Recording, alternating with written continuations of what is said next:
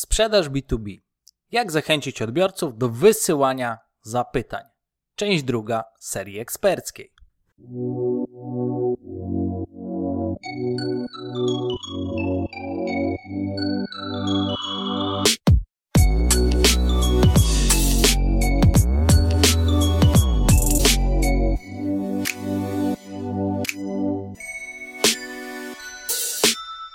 Cześć, cześć, cześć, dzień dobry, dzień dobry, dzień dobry. Dawid Bagiński z tej strony w 32 odcinku sprzedaży, marketingu i biznesu z Dawidem Bagińskim.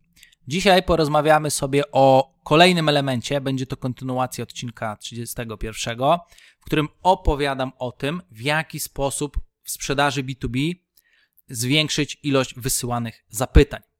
I dzisiaj opowiemy sobie o fazie numer dwa, czyli fazie pozyskania leada, i jest to bardzo, ale to bardzo ważna faza, przy której mamy po pierwsze możliwość oszczędzenia bardzo dużej ilości pieniędzy albo przepalenia i utopienia bardzo dużej ilości pieniędzy oraz to od tej fazy również zależy to, ile de facto osób po przejściu przez kampanię reklamową będzie chciało dowiedzieć się więcej, wejść w proces całej sprzedaży, e, a to też będzie determinowało bezpośrednio to, ile twoi sprzedawcy będą mieli na koniec dnia pracy.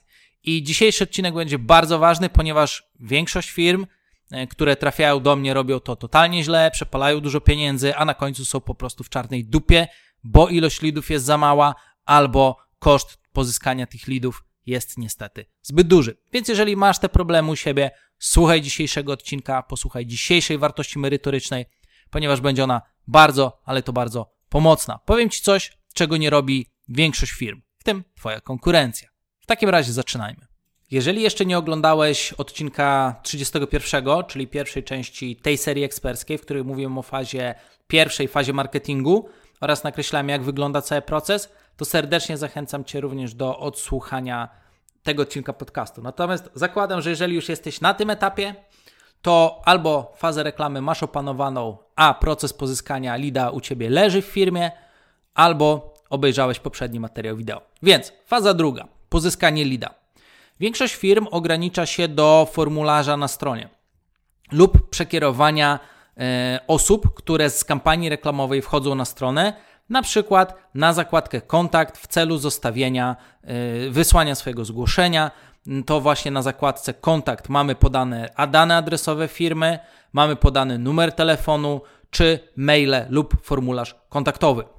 I powiem Wam szczerze, że jeżeli macie firmę B2B, E, zajmujecie się sprzedażą e, w B2B i w ten sposób podejmujecie działania, czyli albo macie prosty formularz na stronie internetowej, albo w ogóle co gorsza kierujecie ludzi ze swojej strony internetowej na zakładkę kontakt, to nie da się tego bardziej spieprzyć. Po prostu nie da się tego zrobić gorzej. E, dlaczego tak uważam? Już tłumaczę. Przede wszystkim wiele osób, które czytają Twoją stronę internetową po przejściu z kampanii reklamowej, nie domyśli się tak naprawdę, co od nich wymagasz.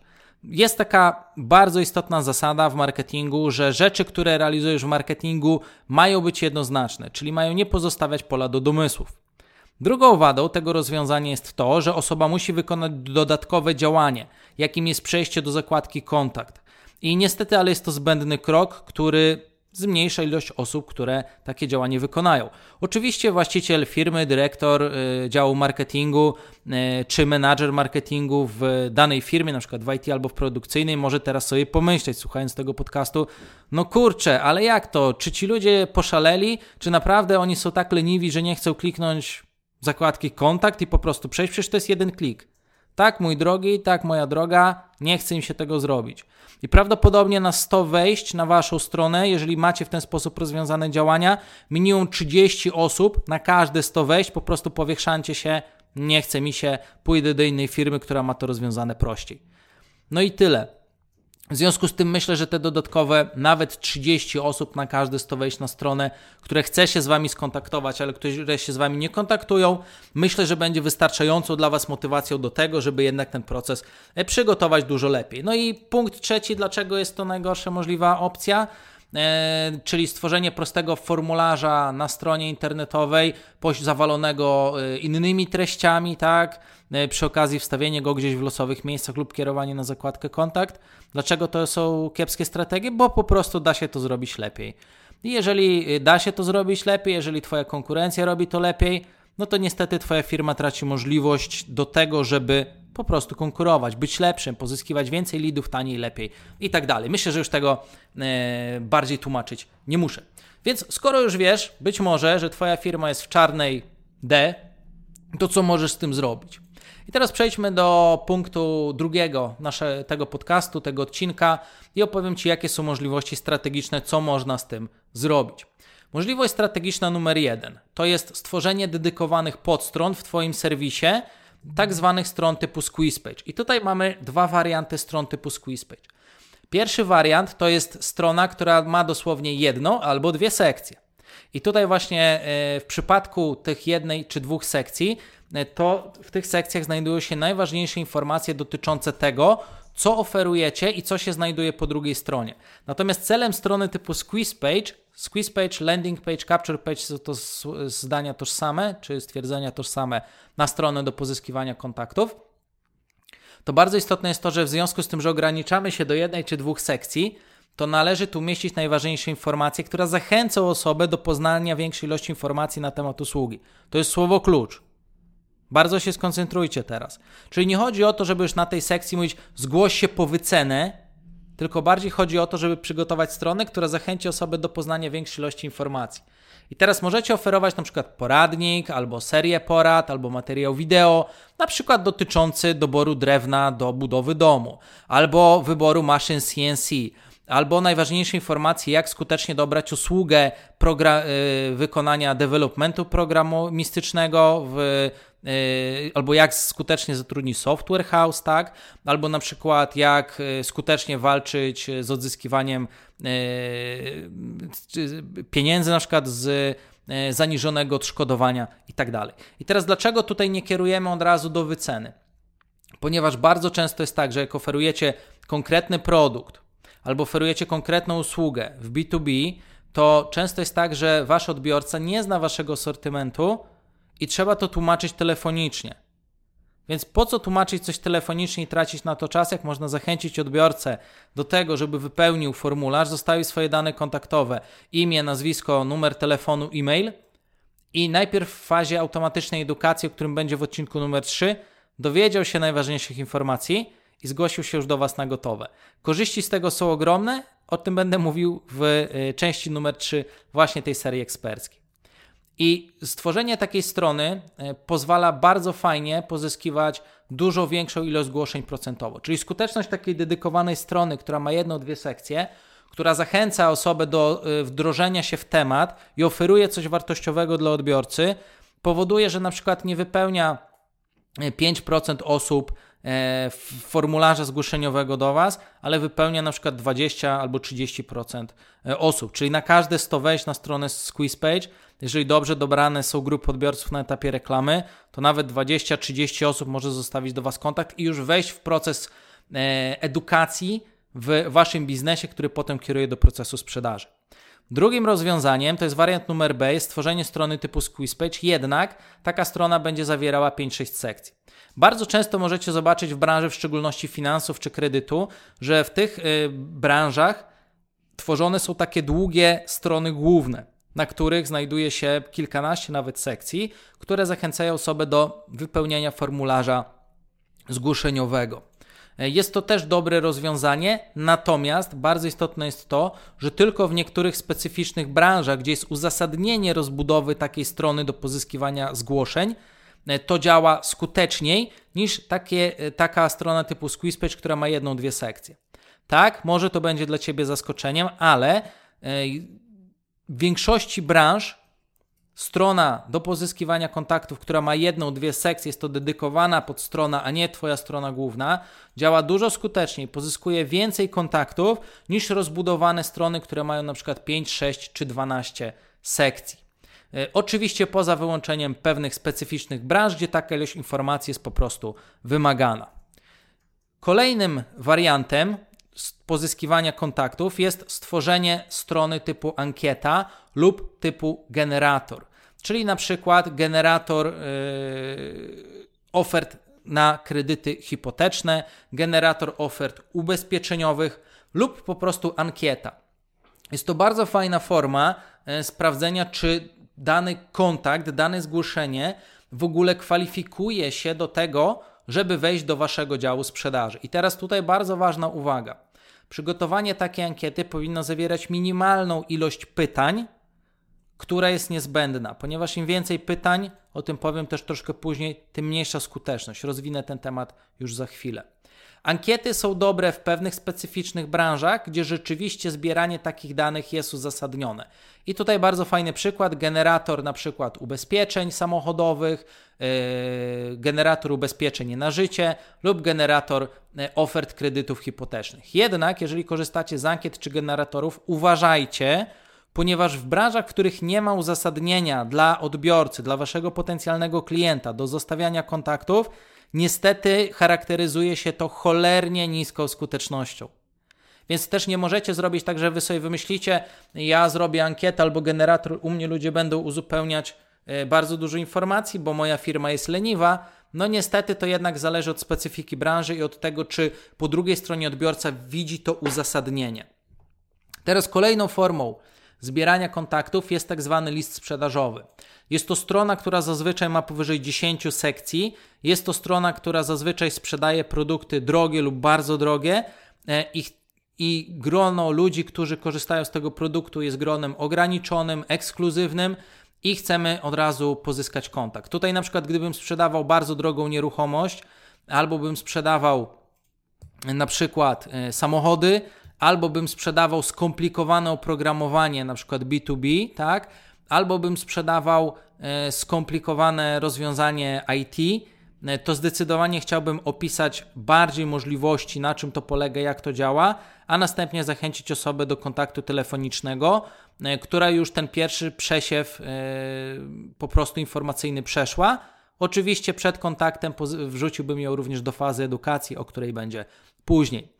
Listy sprzedażowe charakteryzują się najmniejszą skutecznością z racji największej ilości informacji na stronie, jednak w pewnych sytuacjach, w szczególności przy produktach wysokomarżowych, produktach ekskluzywnych, jak najbardziej jest uzasadnienie, aby taką ścianę informacji przed danym odbiorcą postawić, ponieważ wiemy, że na przykład dyrektor dużej firmy zatrudniającej kilkaset osób również jest zabieganą osobą i on woli najpierw sobie przeczytać najważniejsze informacje, a jak już dojdzie do wniosku, że ok, to jest warte dalszej rozmowy, to dopiero się do nas zgłasza. Więc dobór tej formy w pewnych sytuacjach jest jak najbardziej uzasadniony i co najważniejsze, stworzenie listu sprzedażowego e, do pozyskiwania kontaktów daje najwyższą jakość kontaktów, które się zgłaszają, a najmniejszą ilość kontaktów, które się zgłaszają, ponieważ jest to największy taki lej selekcji.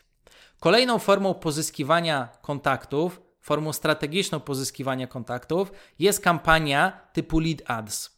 Kampanie na kontakty możemy wykorzystywać w sieci Facebook, w sieci Instagram, jak również w sieci, w sieci chociażby LinkedInowej i kampanie na pozyskanie kontaktów e, są tutaj bardzo fajną możliwością działania. Y, kampanie na pozyskanie kontaktów działają w taki sposób, że robimy y, na przykład na Facebooku, wybieramy konkretny cel reklamowy, pozyskanie kontaktów i tworząc kampanię z tym konkretnym celem reklamowym, tworzymy boksy reklamowe w postaci reklam, y, które po kliknięciu w przycisk rozwijają formularz, w którym znajdują się najważniejsze informacje dla naszego odbiorcy, które my chcemy pozyskać. Może to być imię, nazwisko, numer telefonu, adres e-mail czy inne ważne pola, które sami sobie programujemy. Co ciekawe, pozyskanie, realizacja działań e, za pomocą kampanii reklamowej typu lead ads bardzo często okazuje się niezwykle skutecznym rozwiązaniem. Często jest to rozwiązanie, które jest e, porównywalnie skuteczne ze stronami do pozyskiwania kontaktów typu squeeze pitch jedna, dwie sekcje, a na pewno jest dużo, dużo skuteczniejsze niż przekierowywanie osób na zakładkę kontakt czy umieszczanie formularza kontaktowego w losowych miejscach na stronie.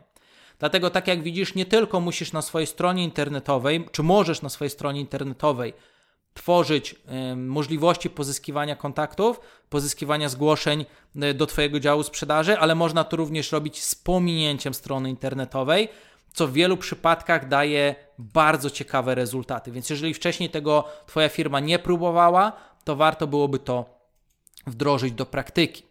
E, kolejnym, kolejną możliwością jest kampania reklamowa, która w boksie reklamowym ma bezpośrednio e-mail i numer telefonu zachęcający do bezpośredniego kontaktu. To też jest bardzo fajna forma działania i ja tą formę działania strategicznie stosuję kiedy na przykład e, osoby nie zostawiły swojego kontaktu na stronie typu Squeeze Page albo robiąc kampanię typu lead ads, lead ads, widzę, że po tygodniu kampanii osoba nie zostawia do siebie kontaktu, to wtedy na działaniach remarketingowych właśnie stosuję strategię kampanii reklamowej, w której pokazuję reklamę, boks reklamowy i na obrazku zachęcam osoby do zadzwonienia do mnie bezpośrednio lub wysłania maila. I piszę to w reklamie, daję to na grafice i zachęcam do kontaktu bezpośredniego. Dlaczego to jest fajne? Bo wiele osób nie chce lub ma obawę, uzasadnioną zresztą, e, przed podaniem swojego imienia, nazwiska, numeru telefonu, e-maila, bo boi się, że będziecie te osoby po prostu dręczyć. Bo oni nie wiedzą, jaką jesteście zazwyczaj firmą, czy jesteście godni zaufania, czy nie, jaka jest wasza polityka do zarządzania kontaktami. Nic nie jest bardziej wkurwiającego niż gość, który dzwoni do was po pięć razy dziennie, żeby wam ojebać usługę, którą nie jesteście zainteresowani. I to jest dramat po prostu, że większość firm tego nie rozumie. E, ja sam mam takie sytuacje, ty pewnie też w swoim życiu i nikt tego nie lubi. W związku z tym, na pewno, na przykład na tysiąc osób, które widzą Twoją stronę do pozyskiwania kontaktów albo widzą reklamy Leads, to są osoby, które mówią: Nie, nie, nie, nie, nie, ja nie zostawię kontaktu. I te osoby się nigdy do Ciebie nie odezwą, zostawiając kontakt. Ale może być tak, że 10, 15, 20, 30% tej grupy odbiorców, to może być od 100 do 300 na przykład osób na każdy tysiąc osób, to są osoby, które jednak wolą same do Twojej firmy zadzwonić albo napisać maila, e, nie wyrażać żadnych zgód na marketing, tylko samodzielnie się skontaktować, podać imię, może nie podawać imienia, nazwiska nawet, dowiedzieć się, czy Twoja firma jest w ogóle godna rozmowy i ewentualnie dopiero wyrazić e, chęci dalszego kontaktu.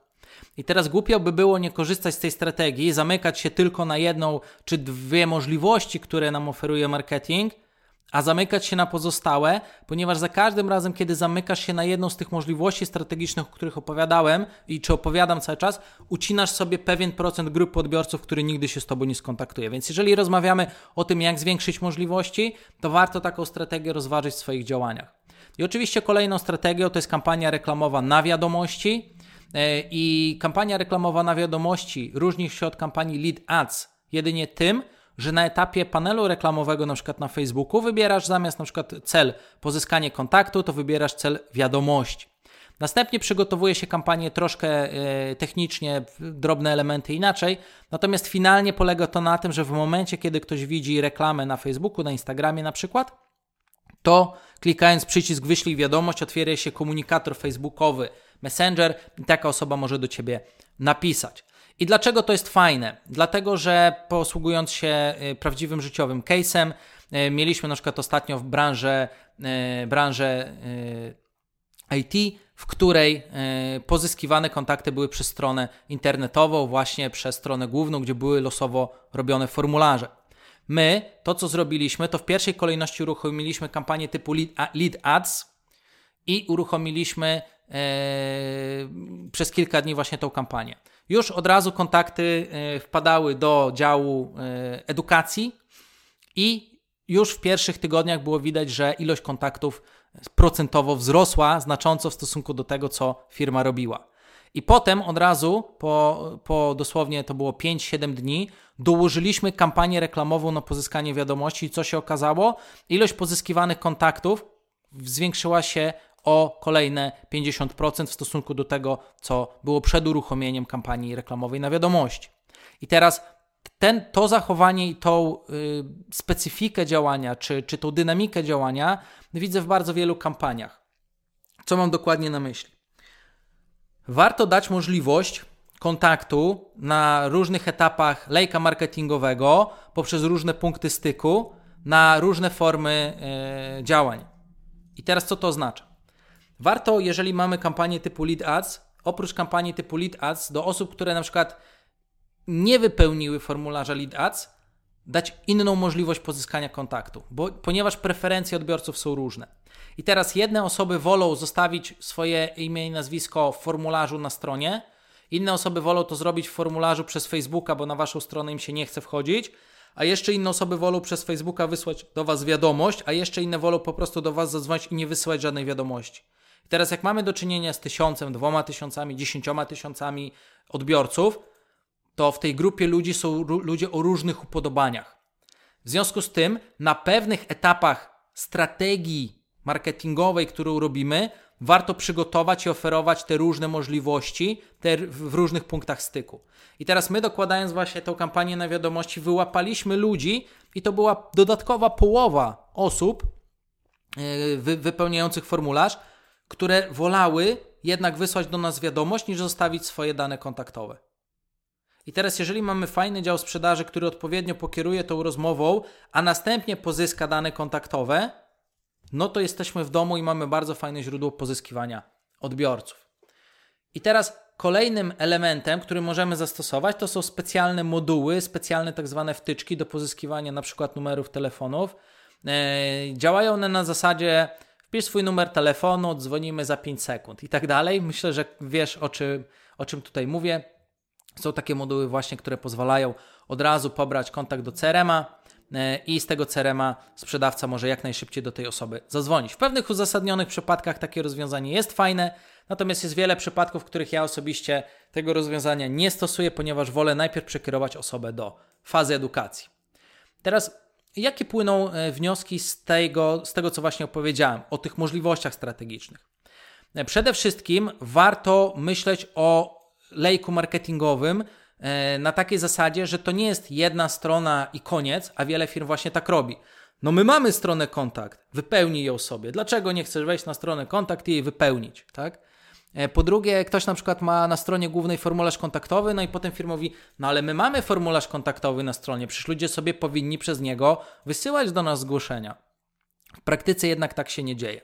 Dlatego warto w różnych odstępach czasu zaprojektować właśnie ten etap tą fazę pozyskiwania lida, gdzie w różnych odstępach czasu oferujemy różne możliwości. Czyli na przykład możliwość y, trafienia na squeeze page, potem wyświetlenie kampanii typu lead ads, potem na przykład wyświetlenie reklamy z numerem telefonu czy e-mailem zachęcającym do bezpośredniego kontaktu, a gdzieś na przykład w dalszej kolejności reklama na wiadomości, albo równolegle leci reklama na wiadomości, lead ads. I to jest właśnie strategia, tak? Strategia to nie jest przygotowanie jednego elementu, tylko to jest stworzenie bardziej wyrafinowanego rozwiązania, które dużo lepiej odpowiada potrzebom rynkowym. Wniosek numer dwa. Stosuj różne formy pozyskania kontaktu. Nie zamykaj się na jedną formę pozyskania kontaktu, czyli no ja już mam na stronie głównej formularz zgłoszeniowy, niech sobie ludzie to wypełniają, po co mam robić inne rzeczy. Pamiętaj, Odbiorcy mają różne preferencje. Jeden woli napisać, inny woli, jak to Twoja firma do niego zadzwoni, a jeszcze inny woli zadzwonić do Twojej firmy. I wniosek numer trzy: nie myśl w kategorii jednej strony, myśl o całej strategii. Ok, zobacz, skoro mamy już omówione sobie różne możliwości strategiczne, zadaj sobie pytanie, czy Twoja firma je stosuje. Jeżeli Twoja firma nie stosuje tych możliwości i stosuje bardzo prymitywne rozwiązania, istnieje duża szansa na to, że kontakty, które pozyskujesz, są drogie, jest ich mało, no i niestety prawdopodobnie konkurencja robi to lepiej. Jeżeli nie wykorzystujesz tych możliwości, to pamiętaj też, że możesz zgłosić się do mojej firmy, do Social Elite, gdzie my pomagamy właśnie taki proces strategiczny nie tylko poukładać, ale również wdrożyć krok po kroku, poustawiać, żeby to działało. Przechodząc do części drugiej z trzech części dzisiejszego podcastu, opowiedzmy sobie teraz o długości procesu. Załóżmy, że mamy firmę, która pozyskuje e, zgłoszenia B2B na kontrakty na przykład w firmie IT, albo jesteś firmą produkcyjną, która produkuje na przykład maszyny CNC i sprzedajesz je po prostu do innych firm, tak? Cokolwiek robisz, tutaj oczywiście w przypadku sprzedaży B2B e, powyższe wnioski, które powiem, będą trafione. I teraz, co zazwyczaj takie firmy robią? Czym one się charakteryzują? Takie firmy mają zazwyczaj dwa podejścia. Podejście numer jeden to te firmy dopiero raczkują w internecie, wysyłają osoby na stronę kontakt i w zasadzie pobierają, y, nie pobierają tam żadnych znaczących informacji poza imieniem, nazwiskiem, numerem telefonu, mailem, albo często w ogóle nawet nie dają możliwości wypełnienia formularzy, tylko zadzwoń do nas, umów się na spotkanie. Jest to słabe. Dlaczego? Dlatego, że jest to mało skuteczne, a po drugie, ten proces jest bardzo krótki, ten proces nie informuje w ogóle odbiorców o niczym sensownym, a informowanie odbiorców na starcie przed kontaktem bardzo mocno skraca e, czas rozmów waszych handlowców w firmie i podnosi ich efektywność, o czym będę mówił mocniej w odcinku numer 3. I też bardzo często jest drugie podejście na zasadzie, dobra, zróbmy formularz kontaktowy, nawalmy tam jak najwięcej pól, niech osoba to nawypełnia. A potem my na przykład przychodzimy do takiej firmy i mówimy, to ile osób na 100 wypełnia ten formularz? Oni mówią dwie. O kurczę, a co się dzieje z pozostałymi 98 osobami zainteresowanymi? No kurde, nic. Zgodzisz się ze mną, że to jest mega słabe. Więc jeżeli chciałbyś zrobić to lepiej niż inni, to co należy wziąć pod uwagę przede wszystkim budując taki proces? Po pierwsze, należy wziąć pod uwagę to, ile pól w formularzu należy dawać. I teraz, jedni powiedzą, że im mniej, tym lepiej, i dlatego między innymi przygotowujemy strony typu SqueezePage, jedne, dwie sekcje, gdzie pobieramy na przykład tylko adres mailowy. Nie pobieramy w ogóle imienia, nazwiska, maila osoby, tylko pobieramy często sam adres mailowy, robimy jedno pole, ponieważ im więcej pól damy w formularzu, to każde dodatkowe pole może obniżać skuteczność formularza nawet o 50%.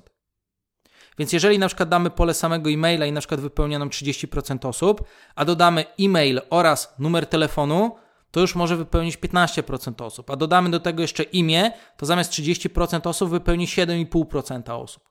Więc czterokrotna na przykład różnica, no to już jest duża różnica, prawda? Więc pamiętaj, że y, jedni powiedzą, im mniej pól, tym lepiej, i w ten sposób będą to uzasadniali. Natomiast drudzy powiedzą, im więcej pól, tym lepiej. No bo im więcej informacji pozyskam od odbiorcy już na starcie, to tym lepiej. Natomiast y, problem polega na tym, że im więcej pól dajemy, to tym skuteczność formularza jest mniejsza. No i teraz co jest prawdą? Ja kiedyś myślałem, że im mniej pól, tym lepiej. Potem testowałem im więcej pól, tym lepiej, ale prawda leży po środku. Jaką zasadą się kierować, projektując właśnie tego typu formularze kontaktowe? Dajemy taką ilość pól, która jest niezbędna do realizacji dalszych kroków oraz jest uzasadniona dla odbiorcy. Dodatkowo jest uzasadniona skutecznością strony i jest uzasadniona ekonomicznie. teraz co mam dokładnie na myśli? Jeżeli mamy sytuację, w której sprzedajemy na przykład drewno do biznesu i naszym celem jest przygotować fazę edukacji przed kontaktem z działem handlowym, to po co my mamy na starcie y, nie wiadomo ile danych kontaktowych pozyskiwać od osoby? Wystarczy nam pozyskanie samego adresu mailowego, żeby osoba weszła do naszej fazy edukacji, wyedukowała się e, i następnie robimy drugi formularz na dalszym etapie, a tam już pozyskujemy imię, nazwisko, numer telefonu e, i adres e-mail. Tak? Więc na tym pierwszym kroku, żeby wysłać do osoby na przykład folder, albo poradnik, albo e, informacje handlowe, nie potrzebujemy imienia i nazwiska. Więc nie, nie wymagajmy tego od naszego odbiorcy. Więc to jest właśnie fajny przykład że dajemy taką ilość pól, która jest niezbędna do realizacji dalszych kroków. No i na przykład współpracowaliśmy z firmą, która między innymi sprzedaje e, maszyny CNC. No i ta firma pobierała imię, nazwisko, e, NIP firmy, nazwę firmy, czym jest osoba zainteresowana, numer telefonu, stanowisko i tak dalej. I my mówimy, dobra, halo, halo, ale co chcecie uzyskać dalej? Jaki jest cel tego pobierania? No bo my sobie to do CRM-u wpiszemy, więcej zdobywamy informacji. Wy, ok, hola, hola, ale teraz yy, co my chcemy na kolejnym etapie zrobić? Chcecie do tych ludzi dzwonić, czy chcecie ich wyedukować? No chcemy ich wyedukować na temat naszej oferty. To czy potrzebujecie stanowiska tej osoby, żeby ją edukować? No nie. Czy potrzebujecie wiedzieć, jak się firma tej osoby nazywa, żeby yy, edukować tą osobę? No nie. A czy potrzebujecie numer NIP firmy, żeby ją edukować? No nie. To co potrzebujecie? No potrzebujemy adresu mailowego. No i kiedy y, wyrzuciliśmy ze strony internetowej wszystkie pola, które były zbędne i został sam adres e-mail, to się okazało, że skuteczność formularza wzrosła o kilkaset procent. I teraz dlaczego wciąż były pozyskiwane dobrej jakości kontakty? Ponieważ reklama była kierowana do osób z grup docelowych. I teraz znowu patrząc na to w drugą stronę, czy jeżeli oferujemy osobie kredy generator kredytów hipotecznych, generator ofert na kredyty hipoteczne, to czy my pozyskamy sam adres mailowy? No nie. My będziemy potrzebowali, żeby zautomatyzować taki proces, pozyskać więcej informacji. Często nawet taka osoba musi, e, załóżmy, podać dokument, e, podać informacje ze swojego dowodu osobistego. Więc wtedy znowu e, takie pola dodajemy i tych pól może być nawet kilkanaście i to też taki formularz będzie miał dużą skuteczność. Teraz, dlaczego y, często formularz, który ma dwa pola, będzie działał gorzej niż formularz, który ma pól 12? Dlatego, że jeden formularz będzie w branży, w której jest nieuzasadnione pozyskiwanie dwóch informacji do pójścia dalej, a kiedy wchodzi potencjalny klient na przykład na ten kredyt hipoteczny, e, albo firma chce e, kredyt e, obrotowy, tak, albo chce sprawdzić oferty leasingowe, to uzasadnione jest to, żeby taka firma podała niezbędne informacje do wygenerowania ofert. W związku z tym taki szef firmy mówi: Dobra, no te informacje są wymagane, żebym ja te oferty dostał, no to ja to wypełnię, nie ma problemu. Więc zauważcie, że jest to uzasadnione, tak? No i teraz oczywiście e, możemy zastanawiać się, czy to jest uzasadnione ekonomicznie, bo im więcej pól, tym niestety w każdej branży skuteczność formularza spada. E, w związku z tym, niezależnie czy Twój formularz ma 12 pól, czy 3 pola, zawsze zadaj sobie pytanie, czy mogę jakieś pole odjąć, ponieważ dzięki temu poprawisz sobie troszkę skuteczność, a wraz ze wzrostem skuteczności strony do pozyskiwania kontaktów y, po prostu y, maleje koszt lida. Więc jak widzisz tutaj nawet takie pola i sam, sam, sam ten element formularza ma bardzo duże znaczenie. Skuteczność mo, może, do, do, dobre podejście do stworzenia takiego formularza może sprawić, że y, będziesz miał kilkadziesiąt albo kilkaset procent więcej lidów albo mniej. Dobrze, w takim razie idźmy dalej. Punkt numer dwa co do y, długości całego procesu. Musisz również zastanowić się, wdrażając formularz kontaktowy, czy taki formularz będzie składał się z jednego kroku, czyli na przykład mamy formularz i y, albo stronę typu squeeze page albo lidacji, widzimy tam od razu, że mamy na przykład imię, nazwisko, e-mail, numer telefonu i to jest koniec. Ktoś klika wyślij zgłoszenie i to zgłoszenie wchodzi do działu sprzedaży, do CRM-a albo do e, fazy edukacji, czy będzie więcej kroków. Czyli na przykład ktoś wypełnia imię, e, adres e-mail, klika dalej i nagle rozwija się kolejny formularz e, przed wysłaniem zgłoszenia. Tam na przykład pobieramy imię, nazwisko, numer telefonu. Ktoś klika dalej tam się na przykład rozwijają kolejne pola, które mają za zadanie uzyskać dla nas więcej informacji. I co jest istotne, że warto, y, i co jest istotne, że takie formularze działają w taki sposób, że po kliknięciu każdego kroku formularz od razu może wysyłać informacje do bazy, czyli na przykład ktoś poda tylko adres e-mail, kliknął dalej i ten e-mail jest już w bazie i my na kolejnej stronie chcemy na przykład pozyskać imię, nazwisko, numer telefonu tej osoby, no nie, nie, ja tego nie wypełnię, to my już nie tracimy tego kontaktu, tylko on już jest w bazie. A jak wypełni, to te informacje są w bazie aktualizowane. I tutaj też właśnie podjęcie decyzji, jak to zostanie rozwiązane, jest niezwykle istotne dla skuteczności całego procesu. I teraz bardzo fajny tutaj podam Ci przykład usługi, który dopracowanie tego jednego elementu sprawiło, że koszt działu obsługi klienta zmniejszył się na tym etapie yy, pierwszej rozmowy o 70%. Czyli jeden sprzedawca wykonywał pracę trzech sprzedawców, a dwóch sprzedawców mogło robić coś innego. I teraz y, tutaj konkretny przykład, dlaczego warto się nad tym zastanowić. Jakiś czas temu działałem w branży usług finansowych przy optymalizacji właśnie lejka i działał on w taki sposób, że na pierwszej stronie, na stronie głównej, firma pozyskiwała do CRM-a swojego zgłoszenia E, w postaci danych: imię, nazwisko, mail i numer telefonu. I co się działo dalej? Taki kontakt wpadał bezpośrednio do CRM-a i dział sprzedaży kontaktował się już bezpośrednio z tą osobą i następnie to telefonicznie były uzupełniane wszystkie informacje. Dodatkowo taki klient musiał przesłać e, pewne dokumenty, żeby jego sprawa mogła zostać rozpatrzona. I ja policzyłem sobie, jak badałem dział sprzedaży, E, że średnio taka rozmowa zajmowała, e, żeby te wszystkie dane zebrać, między 40 a 60 minut, a czasami wymagało nawet to dwóch, trzech kontaktów. E, I zaproponowałem dla tej firmy następujące rozwiązanie. OK, zostawmy sobie to imię, nazwisko, mail, telefon i w momencie, kiedy osoba kliknie wyślij zgłoszenie, te dane trafiają do waszego CRM-a.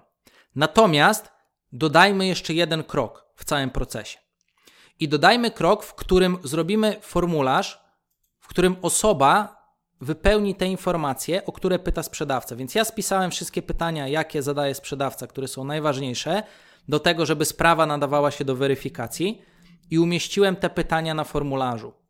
Następnie również y, zaprogramowaliśmy formularz w taki sposób, żeby to odbiorca mógł bezpośrednio wgrać pliki, o które do tej pory pytał telefonicznie handlowiec. I co się okazało? Po stworzeniu takiego formularza, po, osoba przechodziła na ten właśnie drugi krok i widziała formularz numer dwa do wypełnienia. I okazało się w praktyce, że 7 na 10 osób robiło to samodzielnie. Samodzielnie uzupełniało dane. W związku z tym nie było trzeba już dzwonić do 7 osób i od 40 do 60 minut siedzieć na telefonie, tylko wystarczyło zadzwonić do trzech osób, które sobie z tym formularzem nie radziły. I finalnie okazało się, że zamiast zatrudniać trzech sprzedawców do obdzwonienia na przykład tego, e, tych wszystkich kontaktów, e, wystarczył dosłownie jeden sprzedawca. Oczywiście na odpowiedniej skali, tak? bo jeżeli nie mówię tu o 10 kontaktach, tylko tych kontaktów było e, kilkadziesiąt dziennie, tak? E, w związku z tym e, potrzebne było e, kilku sprzedawców, żeby te kontakty mm, obrobić. A w związku z tym, że na każde 10 kontaktów czy na każde 100 kontaktów można było zaoszczędzić 70% czasu, to na trzech sprzedawców, dwóch sprzedawców mogło iść i zająć się po prostu już obsługą sprzedażową spraw.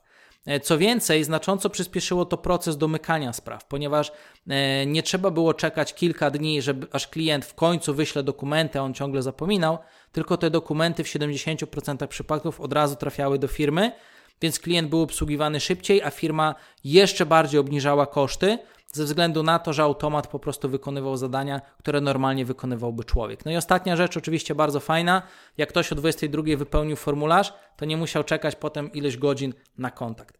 Więc jak widzisz, zaplanowanie właśnie formularza, czy to będzie też formularz składający się z jednego kroku, czy z kilku kroków, oraz czy dane zostaną po każdym kroku wysłane do CRM-a, czy, czy y, dopiero po wypełnieniu kilku kroków, bardzo fajnie może zwiększyć efektywność Twojego działu sprzedaży. No i oczywiście y, im więcej etapów, tym gorzej, chyba że jest do tego uzasadnienie i motywacja odbiorcy. Pamiętaj, że projektując tego typu y, proces wypełnienia formularza, nie chodzi o to, że to ty lub twój dyrektor lub twój y, szef ma pewną wizję, że no od dzisiaj, moi drodzy, nasz dział sprzedaży nie będzie robił rozmów weryfikacyjnych, tylko to odbiorcy sami się będą weryfikować. Nie możemy tak powiedzieć, ponieważ nie chodzi o to, co my chcemy, tylko chodzi o to, co chce rynek. I teraz, jeżeli rynek powie, OK, ja mogę taki formularz wypełnić, to go zostawiamy. Ale jeżeli rynek powie, no nie, ja nie będę tego wypełniał, chrzancie się, macie do mnie zadzwonić, to firma powinna dzwonić. Więc pamiętajcie, że ten proces rozbudowywania yy, właśnie tych elementów, ta długość procesu, to jest z jednej strony wizja waszej firmy, ale z drugiej strony trzeba to przetestować i sprawdzić, co, co wasz klient, co firma po drugiej stronie jest w stanie rzeczywiście yy, zrobić, a co odrzuca, czego nie chce robić. I dopasowujemy to tak, żeby był tu kompromis między potrzebami firmy, a tym, czego oczekuje od nas rynek. I teraz, kiedy już mamy przygotowane właśnie strategie, mamy przygotowane te różne sposoby pozyskiwania kontaktów, mamy określoną długość procesu, to kolejnym etapem są testy skuteczności.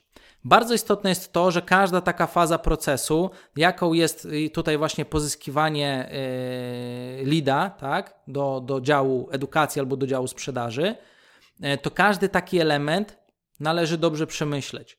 Należy go potem dobrze przygotować, dobrze zaimplementować i na tym praca się nie kończy. Ta praca powinna być pracą regularną, ponieważ testy skuteczności tego rozwiązania, e, stałe usprawnianie go i przebudowywanie i dopracowywanie jest kwestią kluczową. Zwróćcie proszę uwagę, że same dopracowanie tego, jakie pola, w której kolejności i ile ich jest, e, damy na formularzu, czy będzie to jeden czy dwa kroki, to to może być nawet pół roku pracy, żeby to testować, dopracować.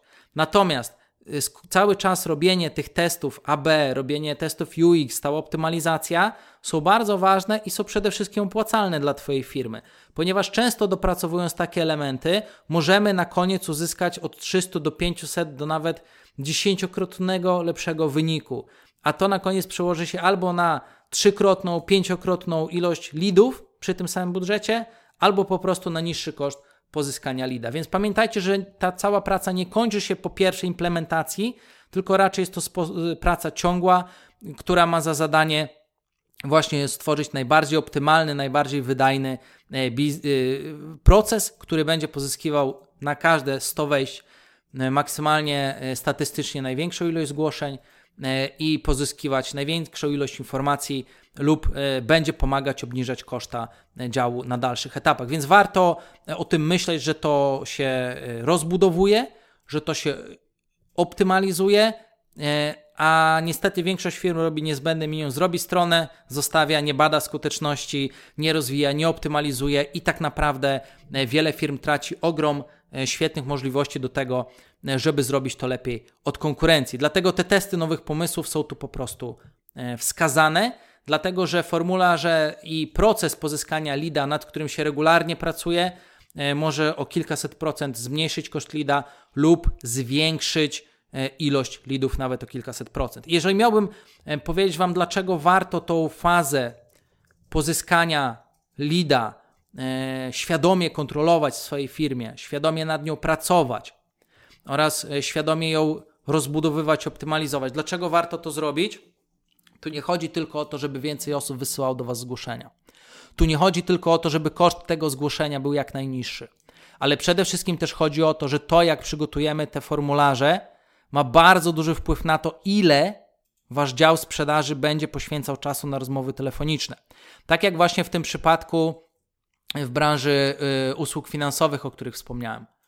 Fajnie by było obniżyć czas pierwszej rozmowy z 40-60 minut do 10-15 minut, a to właśnie udało się zrobić dzięki tej implementacji, o której powiedziałem. Czy fajnie by było, żeby zamiast zatrudniać trzech sprzedawców, zatrudniać jednego sprzedawcę, który e, obsłuży taką samą ilość zgłoszeń. Dlaczego taką samą? Bo 7 osób obsłuży się automatem, a do obsługi będzie na każde 10 zgłoszeń tylko 3 osoby, e, u których trzeba pomóc skompletować dokumenty. Czy obniżenie kosztów o 2 trzecie byłoby dla Was fajne na etapie działu sprzedaży? Czy fajne by było, żeby Wasz dział sprzedaży e, mógł obsłużyć większą ilość lidów, a Ty nie musisz zatrudniać nagle więcej sprzedawców? Pomyślmy sobie. Co by było lepsze dla firmy? Zatrudnić 10 sprzedawców czy 30 sprzedawców?